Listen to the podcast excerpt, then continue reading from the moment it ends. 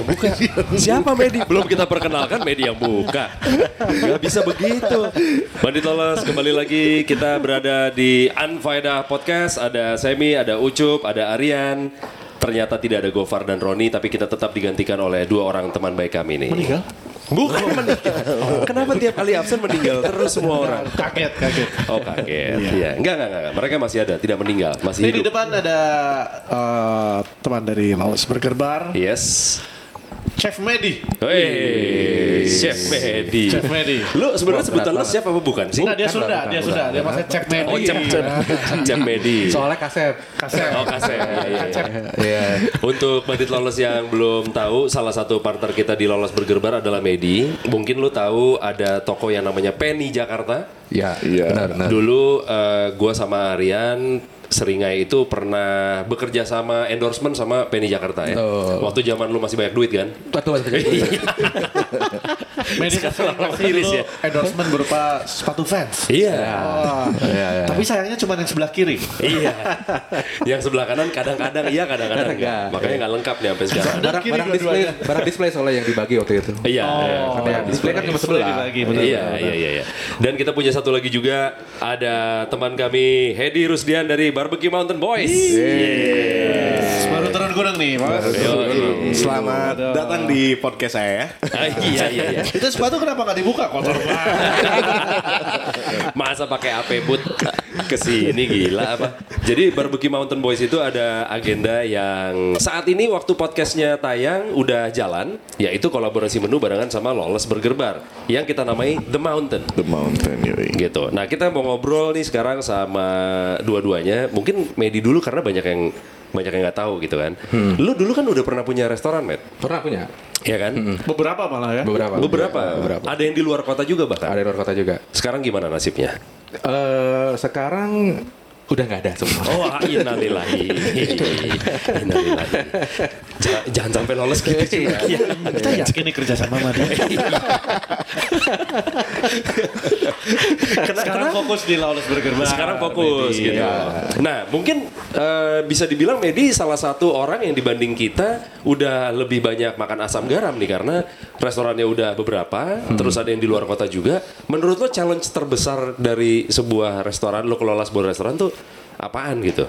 Apa Ya, sekarang sebenarnya sih awal bikin restoran itu gue langsung keluar kota waktu itu ya waktu itu ke Semarang. Heeh. di sana gue bikin steakhouse. Ya sebenarnya waktu itu gue nol banget sih pengalaman juga gitu loh. Maksudnya kayak baru coba-coba aja dapat opportunity ya udah sikat deh gitu. Nggak apa-apa lah di luar kota juga gitu. Ya peluang ada di sana gitu gue sikat aja gitu. Tapi dan sebenarnya restorannya bagus waktu itu karena tapi challenge-nya waktu itu ya karena di luar kota artinya di Ya maksudnya gitu gue jualan steakhouse gitu makanan western yang agak-agak eh, challenging dalam arti kita harus ngenalin si produk eh, steak yang benar itu seperti apa, cutnya kayak gimana, cara masaknya yang benar tuh kayak gimana itu untuk kita Ini effort steak banget. pertama di Semarang ya. Nggak yang pertama tapi eh, Zaman dulu banget dong berarti. Throwback. nggak yang pertama tapi eh, menurut gue sih salah satu yang bener deh cara cara nge, nge- masaknya, cara bikin produknya segala macam itu waktu itu yang emang karena belum banyak waktu itu di Semarang kayak gitu, Oke, oke, oke. kayak gitu. Tapi emang lu sebener, eh, basicnya mengerti ya. Sebenarnya waktu gue awal start itu gue nol, gue nggak ngerti apa apa soal soal gimana cara operate restoran, cara running restoran tuh. Tapi soal masaknya atau apa, tahu makanan yang enak itu yang bener dimasak. Oh iya iya itu itu, ngerti itu, gitu gue kan? ngerti, gue ngerti itu juga gara-gara hobi aja sih, bukan bukan yang gue sekolah atau gue belajar buat buat belajar bikin makanan gitu. Tapi lu nggak kelihatan seperti orang yang suka makan sih. Maksudnya lu Oh, kurus, iya. lu krempeng Iya, gitu. Kalau atletis lah. Iya, iya Iya, sih. iya. Kalau gue ngeliat tuh aneh orang kayak nggak suka makan. Nggak nyangka kan? Nggak maksudnya? nyangka sama sekali. Iya, iya, nggak nyangka. Ternyata lu suka ya? Suka. suka. Oh, Oke, oke, oke. oke. Eh silakan makan. Dulu gue juga sama Aryan lagi naik motor berdua boncengan. Iya. Waktu kita dulu maunya latihan cari, ya? iya kita mau latihan, terus kita lagi cari partner. Waktu itu partnernya bilang calon partnernya yang kita tawarin, eh mau nggak kerjasama kita mau bikin ini ini ini. Heeh. Eh, sedang sibuk. sedang sibuk. Ada juga yang merasa kayaknya konsep heavy metal joint tuh kayak, hah emang jalan. Iya. Jadi kayak susah gitu untuk Iya. ngejelasinnya gitu kan. Iya. Terus Waktu kita itu- lewat waktu itu restoran lu di Cipete dulu. Oh iya. Karne. Karne. Karena Terus kita lihat, wah Karne. Terus kita lewat aja. Oh iya, emang emang lu nggak mampir waktu itu coba ngabarin, eh gue lewat depan restoran lu, terus nggak Iya. mampir ya. Nggak ngajakin terus, juga. Iya, nggak ngajakin juga. Ini apa apaan sih maksudnya cuma Baru tiga tahun kemudian. Soalnya gue waktu itu mikirnya juga sama Aryan, kayaknya kalau Medi ini nggak perlu penjelasan panjang. Iya, iya. Karena lu anak band juga. Eh, dulu lu pernah gitaris eh, Tulus kan? Oh, iya, betul, Iya, betul, gitu. betul, betul. Jadi emang eh Iya. kalau hardcore gitu sih lu kan uh, Oh iya, udah pasti udah lah. pasti, udah pasti, udah pasti. Satanis Iya, nih dulu. Iya, iya. X Tulus X. Iya. Ini tulus black metal kan? Iya. Yang di luar kan? Bukan Iya. tulus lokal. Bukan, bukan Iya, Tulus yang iya. black metal. Jadi emang nggak udah nggak terlalu jalan Udah susah. jalan. Jadi ya udah akhirnya ketemu juga kan. Iya, itu juga. Dan akhirnya kita berjalan lah Lawless Burger Bar. Udah tahun ke-15, semoga berjalan lama.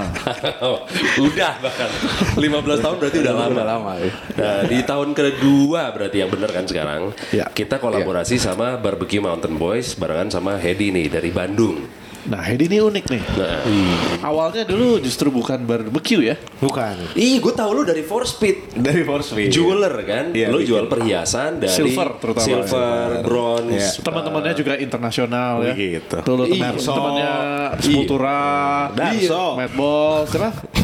Darso. Darso, Eh, siapa Dar Imam Darso? almarhum Darso. Masih hidup, masih hidup. Meninggal. Itu lu gimana ceritanya sih dari pengrajin perhiasan ya. jadi tukang masak, petani bahkan. Dari petani sih sebenarnya Iya, sekarang. petani. Jadi dulu tuh kan gue mengawali karir tuh kan dari jewelry artis kan, bikin aksesoris, ya cincin, kepala ikat pinggang, dulu nama brandnya Four Speed. Heeh.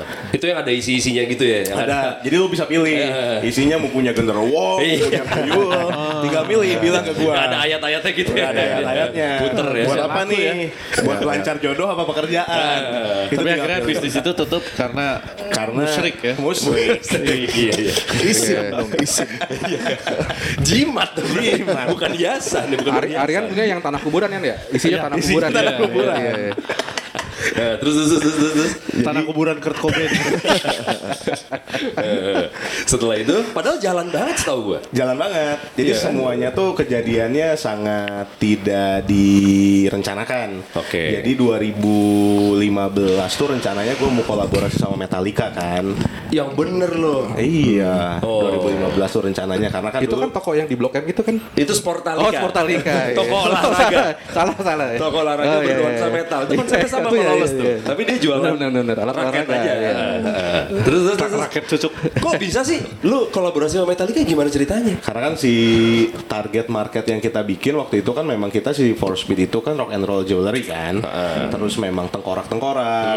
Kita juga banyak ngerjain buat merchandise band. Ya memang gue juga dulu ngeband, band hardcore gue juga. Gue suka ngeband ya. Sebenarnya sama sih motifnya gue anak band, gue suka gambar, tapi pingin bikin karya apa yang bisa merefleksikan gambaran gue. Karena gue suka banget tengkorak. Oke. Gue suka gambar tengkorak, gue suka koleksi tengkorak Heeh. dari binatang sampai manusia. Gua Manusia suka juga koleksi ada? ya, anatomi gitu ya. Iya, Karena bekas buat- karyawan yang Yang yang udah perform. Iya, udah perform. Iya, iya. Gua koleksi. Dimatiin. Ngomong-ngomong, ngomong-ngomong nggak ada Kanggia nih.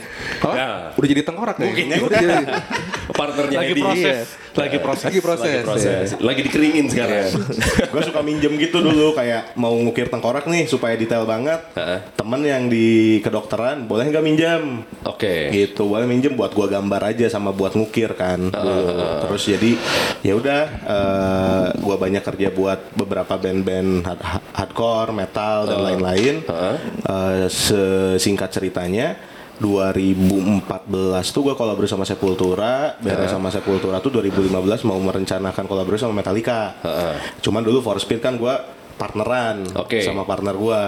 Jadi intinya di 2015 ada kejadian yang tidak bisa saya share, mendadak semuanya. Intinya kayaknya Oh emang nggak bener partner lu ya? oh nggak bener lah, udah, udah. Mending gue cabut dah. Udah diceritain dikasih tahu.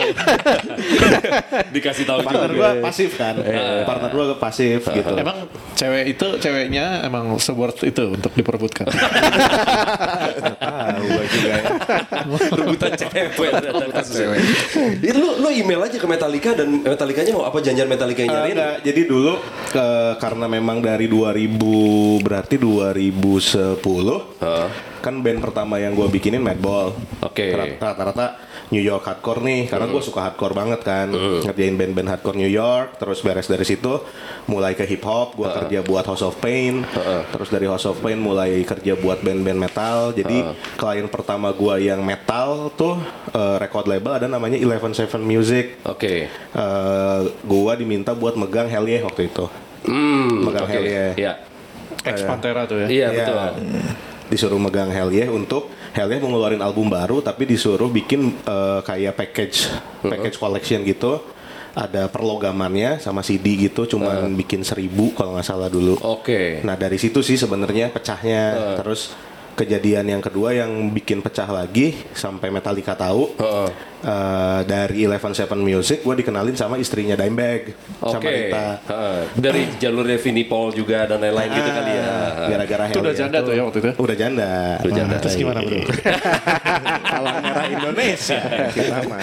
Penyelamat janda-janda tua. Janda-janda metal. Ternyata jamet tuh janda metal. Anjing janda metal. Oke. Gitu. Terus gue dapat kesempatan, Rita minta tolong ke gue, eh Hedi gue mau bikin event eh, namanya Dime Bash. Dime Bash ini event untuk Dime Bag. Oke. Dan gue pingin bikin kayak apa ya, eh cindera mata lah. Heeh. Buat tamu-tamu yang datang, pingin bikin sesuatu, sesuatu yang beda. Heeh. Bisa nggak lu bikinin kalung, karena Dime Bag suka banget kalung, kalau bisa desainnya silet, eh, sama kepala ikat pinggang. Oke. Gue diminta untuk bikin 100 eh, set. Heeh. Gue bikin 100 set, terus eh, tiba-tiba Rita ngontak lagi, biar nggak riweh lah, katakan katakanlah, nih daftar tamunya, tolong di print juga di boxnya, Oh, langsung custom langsung ya? nih custom gitu Ah. segala macam sama di boxnya segala macam di produknya juga ada apa grafir si tamunya juga. Ah. Pas dilihat list nama-namanya si tidak terkenal ya. Wah, si tidak terkenal. Coba sebutkan beberapa. Si band indie dari Cilacap ya. Ah. Ada siapa aja? Ada Yusuf Kala. Kayak kawinan pejabat gitu. Ada siapa lagi gitu ya? Tito Pokoknya di. Indonesia Tatler tuh ya. Iya. Dasar gitu. Pengalaman pertama tuh ada semua situ ya. Oh. Iya, Rita ternyata sel- ini selebriti. Sosialita. Sosialita. Sosialita. Oh. Rita Pantera. Bisa dibilang itu apa ya kayak pivot poinnya buat Force Speed Buat kali Force ya. Speed. Sampai dikenal sama mereka tuh dari situ dari kali situ. ya. Oke. Nah kebetulan ada Metallica juga segala macam. Cuman dulu kenapa bisa sama Metallica gara-gara istrinya Robert Trujillo kan, yang karena dia seniman juga. Oke. City. Si Siti Trujillo. Siti Khadijah. Chloe namanya Chloe Trujillo. Oh. Jadi dia karena seniman dia nanya, gue pingin dong dibikinin segala macam. Karena dia seniman, gue ngetra apa mentransfer artworknya dia menjadi logam. Hmm. Dari situ dia suka bikinin dong sampel buat Metallica. Oke. Nah jadi pas yang kemarin Metallica manggung di Indonesia, yang bapak-bapak main kasidahan ya waktu itu waktu Iya, Metallica iya, ya. iya, kebetulan Ya, waktu kebetulan itu waktu itu Metallica nutup konser Konser, Seringai. konser kan? Iya, Seringai kan Metallica. kan? Bukan kita yang buka ya. Iya. Partinya tuh Metallica ya. Iya. Iya, Pak. Ya pas itu kenapa? Eh, meeting buat Oh, meeting loh? Iya, di backstage. Meeting Oh, buat oke. ngeliatin semua sampelnya Oh waktu itu. Hedi ada di backstage ya? Ada. Tapi memang backstage-nya beda kita ya. Backstage buat Seringai sama Metallica beda jauh banget. Beda jauh. Padahal kita udah oke tuh ya. Uh, udah oke banget. Itu mungkin backstage terbagus. terbaik, terbaik ya. pernah Terluas terbaik. Lu gitu. bayangin lu beneran bisa mandi di backstage, tapi lu pakai kayak porta ya biasanya kan porta potty buat kencing doang. Iya. Nah, itu pakai alat yang sama gitu, yang, Yang lebih kayak gede. dari dari fiber tapi gede, wangi, ada anduk, ada sabun segala macam lu bisa mandi di situ. Jadi tendanya tenda buat hangout beda, tenda buat ganti baju atau dandan beda, tenda buat makan beda lagi. Jadi satu band seringnya cuma eh, cuma dapat ya. Eh, cuma cuma. dapat tiga tenda. Oke. Nah, tapi kalau Metallica beda. Dia tendanya satu tapi gede banget. ruangan GBK yang di dalam itu kayak disulap semua. Iya, dirubah jadi apartemen kayak di Hyatt. Iya. Ah, gila gila gila keren banget keren banget. Oke dari situ Iya. ya. Dari, Dari situ, situ udah, ada ya? eh, udah ada plan mau sama kolaborasi sama sama Metallica, tapi kan nggak jadi. Heeh. Terus nurun ke Lolos Burger Bar jauh banget. Kolaborasinya. Iya, beda jauh loh Metallica. Kan itu Force Speed. Kan itu Force Oh, iya, Force Speed. Iya, gitu. iya. Nah kan akhirnya gue harus cabut nih dari Iya. Force Speed. Eh, gua cabut dari For Speed dengan eh, berat hati. Ya stres lah gua. Banyak minum, makanya hatinya belum- ada penebalan belum di hati. kenal, belum kenal Itu fatty liver gitu. Katanya berat hati. iya sih. belum minum pada saat itu. Iya, iya. Baru minum setelah galau. Oh, oke. Galau nih, saya harus minum-minum Oh, gitu. Lu malah jadi petani. Ya, jadi karena gua stres segala macam nggak mau keluar rumah, segala plan gua kandas. Gua ada sebenarnya kan for speed gua mau 2016 tuh mau pindah ke Jepang, mindahin studio segala macam bla bla bla. Nggak jadi semua. Akhirnya eh gue bingung gitu harus harus bikin karya apa lagi dan nggak pede, nggak berani ketemu sama orang-orang juga. Akhirnya yang menyelamatkan gua adalah Kang Gia.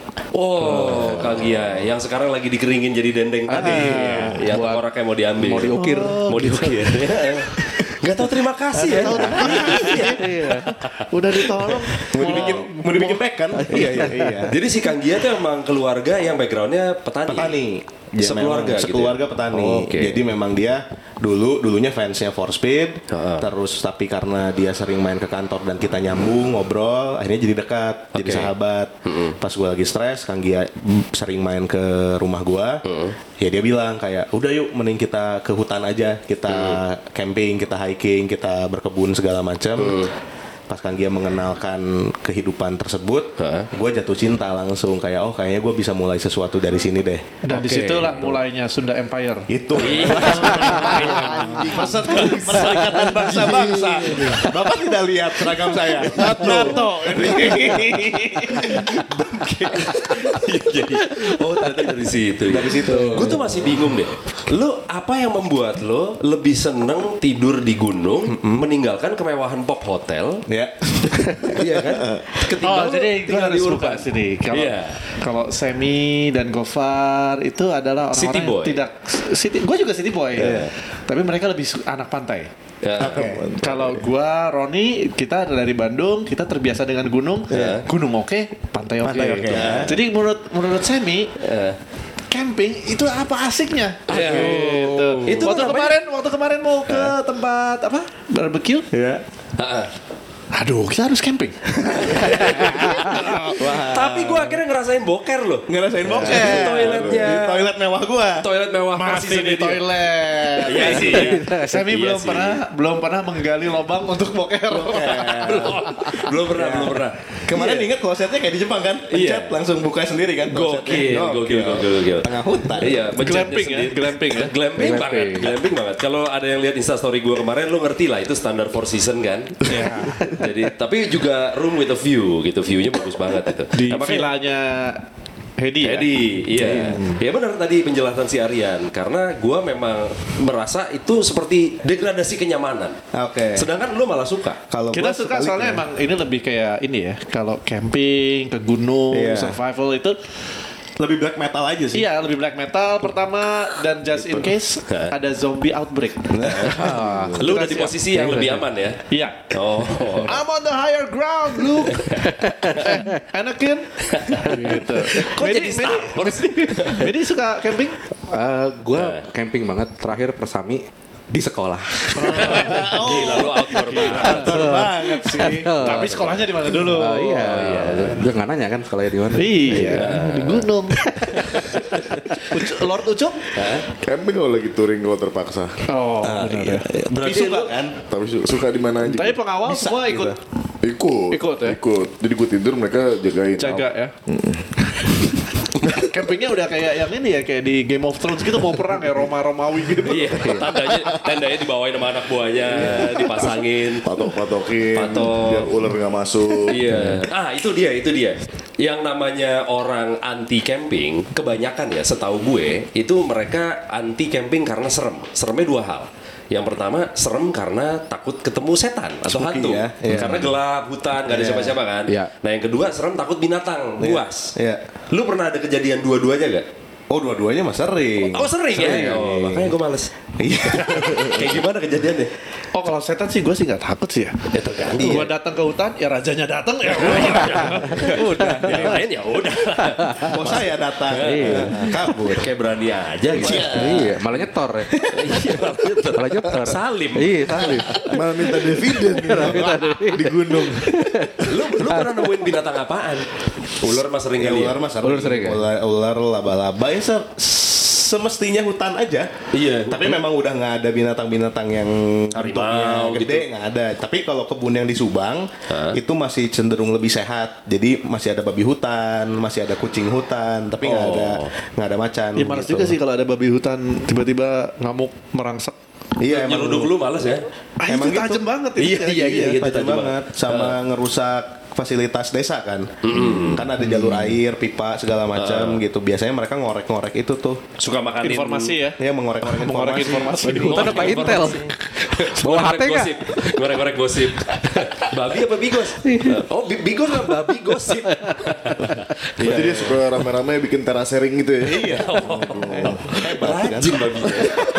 Tapi- terlalu babi itu. Kalau lu camping kan biasanya lu bikin di tenda tuh lu taburin garam kan katanya biar ular nggak masuk. Iya. Bener nggak sih? Karena gue dengar kemarin pas ramen di Jakarta di mana-mana banyak ada ular kobra Iya. gitu. Yang mempan ya. Katanya naburin garam di sekitar rumah nggak bikin kobra takut masuk ke rumah gitu. Gue jadi wah ini yang dulu ngebilangin mau ngerjain apa gimana? Nah, maksudnya itu harus, pramuka harus tabur ini apa yang kotak-kotak garam itu bikin sebagai pagar. Oh iya. Oh, jadi benteng. Oh jadi bukan ditaburin, di- disusun. Oh, iya. Ditaburin bisa Oh, iya, dibawa. iya, iya. Kalau gua sih pakai garam buat berhentiin hujan. Oh, Ah, itu- itu terbukti. Itu gue pakai kolor. Itu terbukti ya. Itu terbukti. Ada saksi. Iya, benar. itu Terakhir terbukti, kemarin ya. Terakhir kemarin.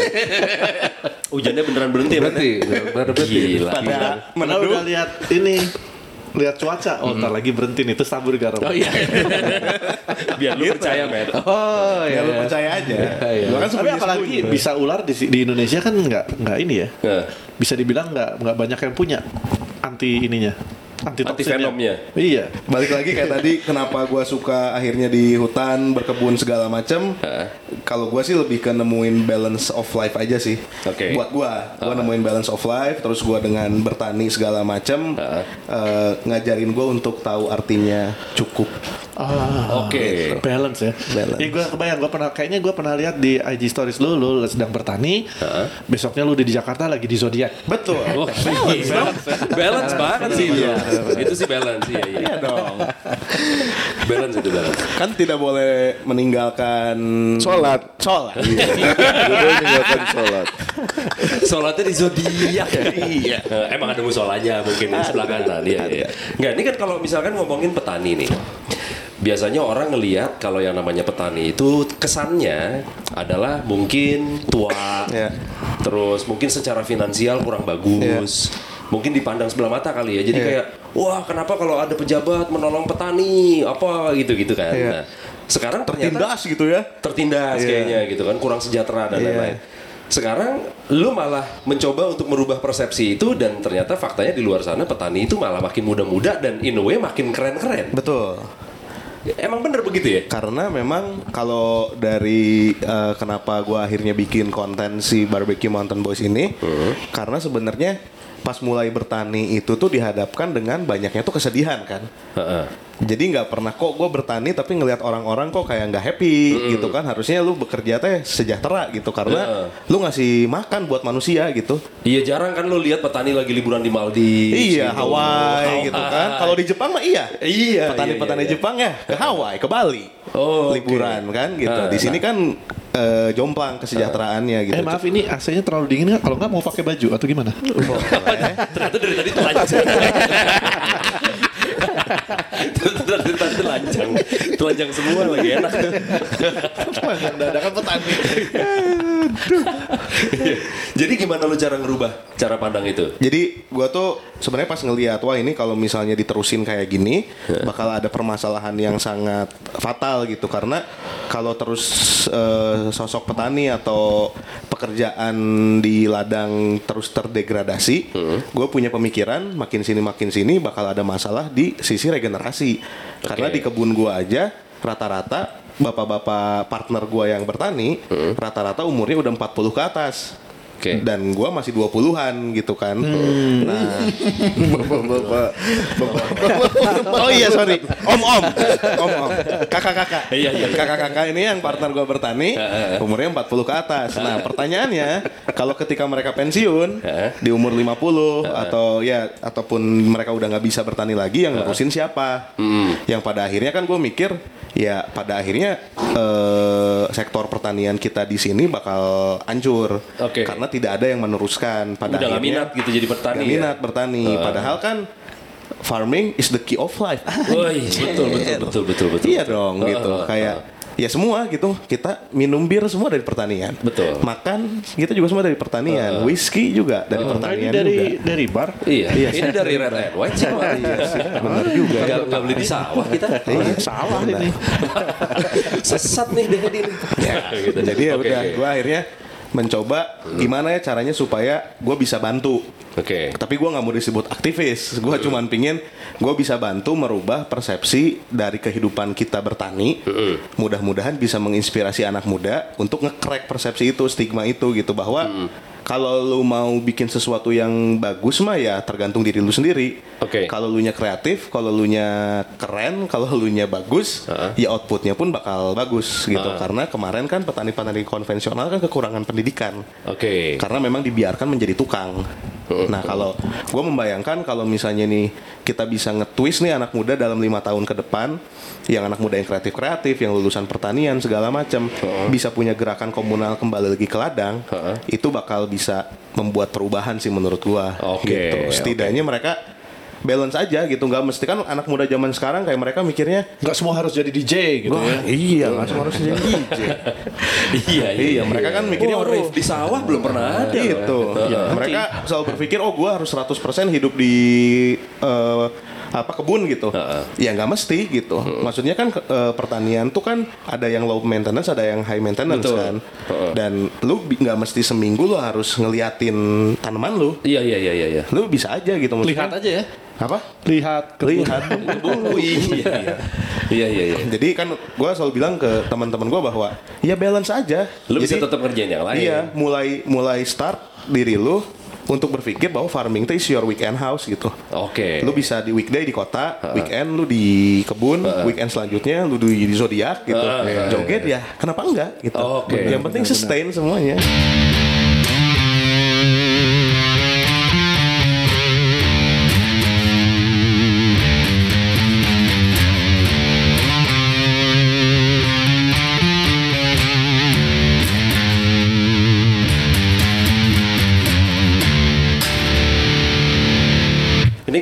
Ngomongin soal kolaborasi antara Barbecue Mountain Boy sama Lolos Burger baru dulu deh nih. Kita baru pertama kali bikin yang namanya Lamb Burger.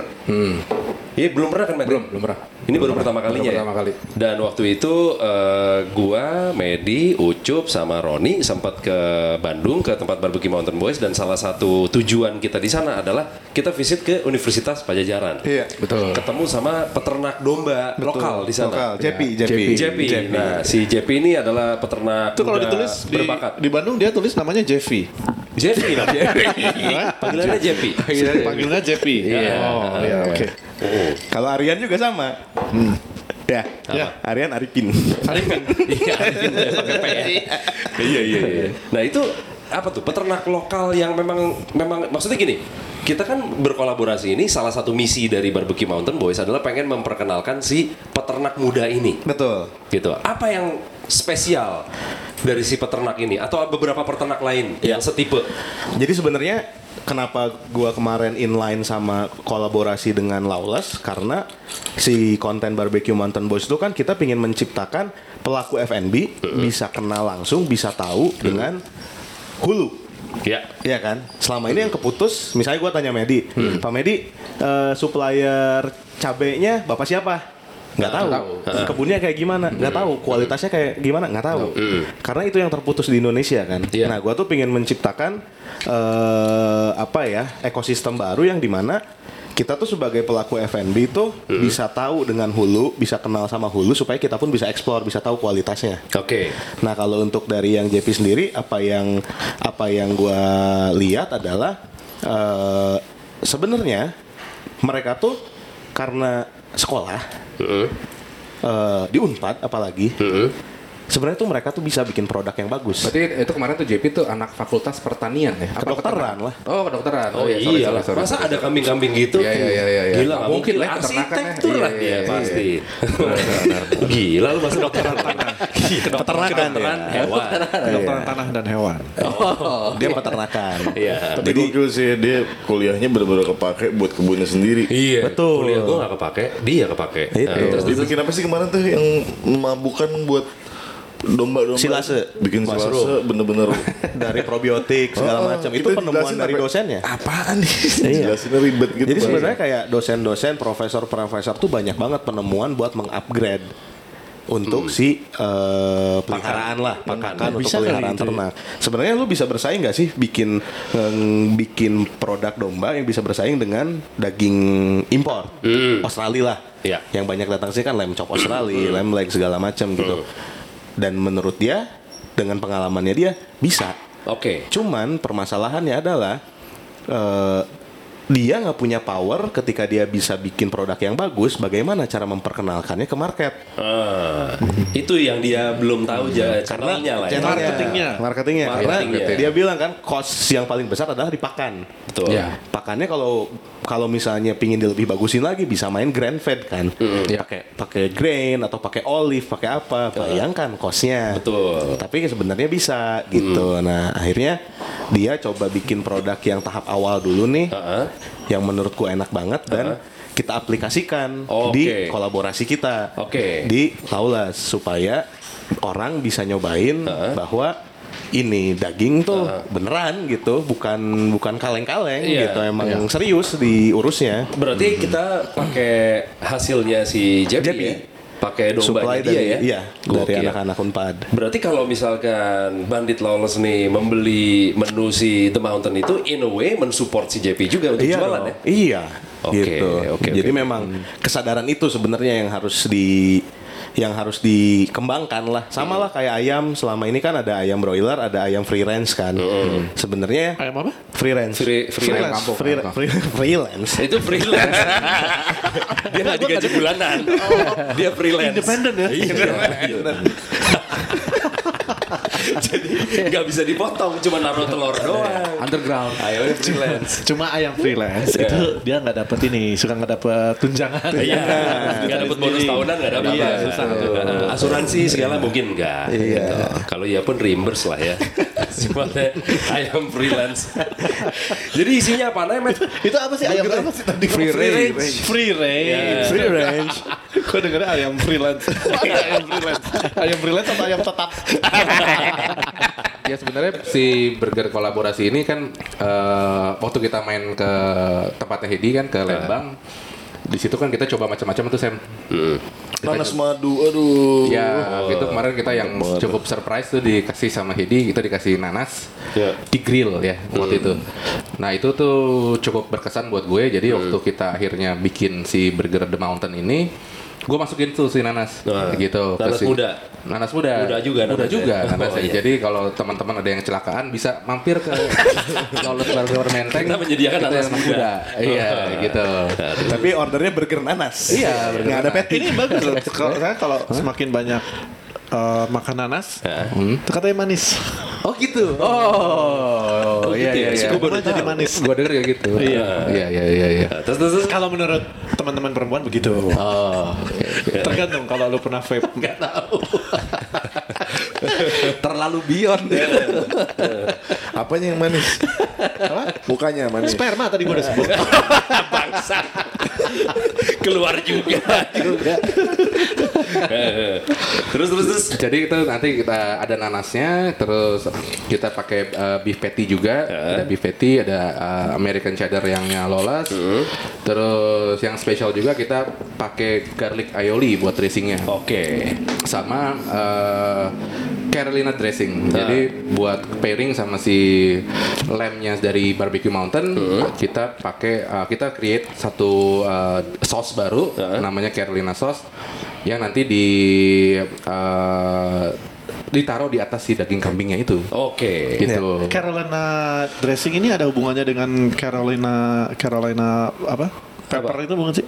Oh, Oh, Carolina eh, cabe. Cabe. Cabe nggak ada sih. itu kemarin sampai ada orang meninggal katanya makan Oh itu. iya. Iya. Iya. Dia makan di tengah jalan ketabrak. Oh, iya, di tengah jalan tol lagi. Iya, Kepedesan. iya, iya. Mak- bukan karena cabenya jadi karena kecelakaan ya sebenarnya. Sama lemnya kita masaknya digantung ya. Lemnya digantung. Iya. Kemarin kita pas di eh, sana juga kita nyoba metode cooking metodenya ya. Iya. Buat si lem itu kita Kok di jorok sih lo? Apa? Lemnya lo apain tadi? metode. metode, metode. Oh, metode. Metode, oke, metode. Tok. Malah beneran keluar. Lu kan gua ngomong metode. Oh iya, iya. Oh metode tadi. Iya. iya. Iya. Jadi cooking metodenya di tuh keluar lagi kan. Kita yang menyebutnya Metode masak. roast. Iya. Metode masak. Metode masaknya itu digantung di atas perapian ya. Iya digantung digantung di atas perapian. Di atas perapian. Smoke jadi ya? Enggak smoke sih, Enggak lebih ke sih, roast ya. Lebih ke roast. Roast. Iya. Lebih di roast. Ya, lebih di roast. Jadi si lemnya di, di, di- kalau di eh, Lembang tuh kita bikin perapian dari api unggun lah, Iya. semacam api unggun. Nah, si daging kambing itu kita gantung di atas si api unggun itu. Iya, Kambing atau domba sebenarnya? Ah, domba. Domba, domba, domba, domba. Iya gitu tuh yang jadi apinya di bawah, si dombanya di atas gunung. Iya. Gantungnya. Jauh ya? Oh jauh ya. Jauh. Dan gua kira gua kira apinya di bawah, kambingnya di atasnya, Heeh. apinya bentuknya pentagram. Oh, Oh iya, soalnya biar biar ngejaga kesegarannya, si kambing itu hidup-hidup ya Pak. Kemarin kita Iya. Kagak lagi. Serius ya. Enggak, enggak, enggak. Enggak, enggak, enggak. Domba ini diproses dengan sebagaimana mestinya. Iya, iya, iya, iya. Jadi aman, aman semuanya aman. Jadi balik lagi ke yang tadi ini dikit ya. Gue penasaran deh. Lu lu kira eh, apa namanya perkiraan lu gitu ya. Ini si peternak-peternak muda ini tuh bisa sampai sejauh apa sih? Kan lu tahu yang namanya perdagangan daging, Iya. apalagi ekspor impor gitu kan udah ada jagoan-jagoannya. Iya. Mungkin udah ada mafia-mafianya. Iya. Gimana mau tembus? Kalau setahu gua sih dari curhatannya anak-anak peternakan yang memang susah ditembus itu mafia sapi ya. Oh. Sapi itu udah susah lah, udah mafioso segala macem lah, ada ada campur tangan politik di dalamnya dan bla bla bla gitu. Cuman kalau untuk kambing tuh memang menurut mereka masih bisa dieksplor Oke. untuk kambing tuh gitu. Tapi Cuman kalau misalnya untuk kayak sapi gitu, kalau memang itu udah ada mafianya, sebenarnya bisa lebih independen. Jadi kolaborasi dengan kayak misalnya kayak seperti Lawless Burger Bar-nya tapi lebih banyak lagi. Itu Iya, iya, memungkinkan bisa, ya? bisa. ya. Jadi Karena langsung supply ke restoran gitu. Iya, restoran. karena kan permasalahannya eh, rata-rata baik petani ataupun peternak mereka tuh nggak tahu cara menjualnya. Sebenarnya mereka tuh bisa membuat produk yang outputnya bagus. Contoh misalnya gue peternak ayam. Nah, ketika gue bikin kandang ayam, itu tuh ketika gue udah ada planning kandang ayam tuh mafioso dari perusahaan supply pakan, bibitan segala macam udah nggak datengin. Oke. Gua lock deh eh, produksian lu buat gua dia tengkulaknya. Nah beres dari situ dia ngasih pakan eh, dia beli pakan di dia dokter dari dia bibitan dari dia menjual pun ke dia. Sampai dia Udah dikunci lah ya. udah dikunci sampai mengeluarkan pinjaman. Nah akhirnya berputarlah di situ. Berarti kalau untuk kayak daging sapi pun kita bisa Lawless gitu bisa khusus pesan dari dari Peternak. Iya, peternak. bisa Bisa dong. langsung ya? bisa bisa tinggal Tapi harganya gimana sebetulnya? Apakah di atas rata-rata pasar atau apa? Karena Yang- kadang-kadang kan kalau independen kadang-kadang tidak berarti lebih murah. Betul, tidak berarti lebih murah.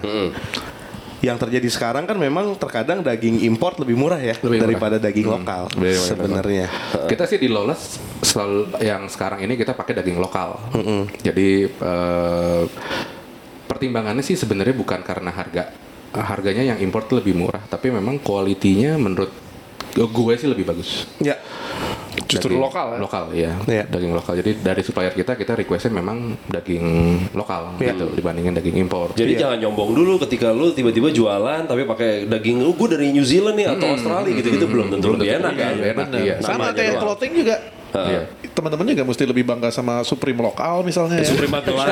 Supreme Magelang. Karena untuk kualitas Supreme luar itu belum tentu bagus. Iya, betul. Terutama sizingnya ya. Size-nya lebih, lebih kombrang Iya, gitu kan. iya, iya. Kan wah palsu Iya, nih. bahannya juga mungkin kan kurang enak kan kita Iya, yang lebih iya. mengerti iklim kita. Iya, Iya, jadi sablon tipis-tipis kalau lokal kan lebih sablon tebel gitu kan. Lebih bagus sih sebenarnya. Ya. Harusnya Supreme Magelang tuh satu kaos 2 juta. Harusnya. Gue udah bilang sama orangnya, dia bilang masih nggak nggak pede. Iya. Oh, lu kenal, Sam? Apa? Lu kenal? Mau gue kenalin nanti. Mau collab. Mau ya. Bos ex Supreme Magelang. Iya. Lu kan tadi sempat mention soal ini sustainability. Iya. Ya kan sustain.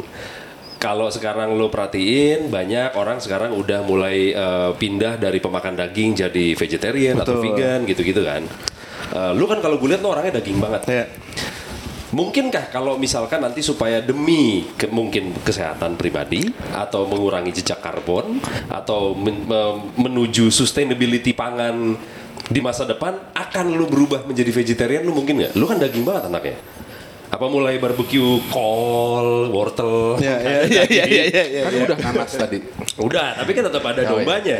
Iya, iya, iya. Itu gue kebayangin si ya. ini- si yang di Bandung ini kan bukan hanya peternakan, perkebunan, juga. Perkebunan Perkebunan juga. Iya, Perkebunannya itu apa? Apa aja? Kalau yang kemarin Lawless datang itu kebun kopi. Kopi saja. Kalau yang di Subang dari sayur, buah-buahan sampai sawah. Kayak jamur gitu. Jamur bisa, bisa. Jadi nanam. kemungkinan untuk mengolah eh, misalnya jamur dan tumbuh-tumbuhan menjadi let's say kayak akhirnya jadi makanan seperti impossible Eh, Impossible meat Meat gitu atau kan. Iya, gitu iya. ya. Yang kemarin sempat ramai karena impossible pork. Ini pork tapi bukan pork. Eh, dan dia dari tumbuhan. Heeh. Orang-orang marah kenapa disebut pork? Karena rasanya kayak pork. Tapi ini dibilang halal nggak tahu lah gitu. Iya, pokoknya Iya, gitulah. Iya, iya, iya, iya, iya. Gitu. Mungkin nggak sih? I- Intinya kan bisa bikin dari situ diolah Iya.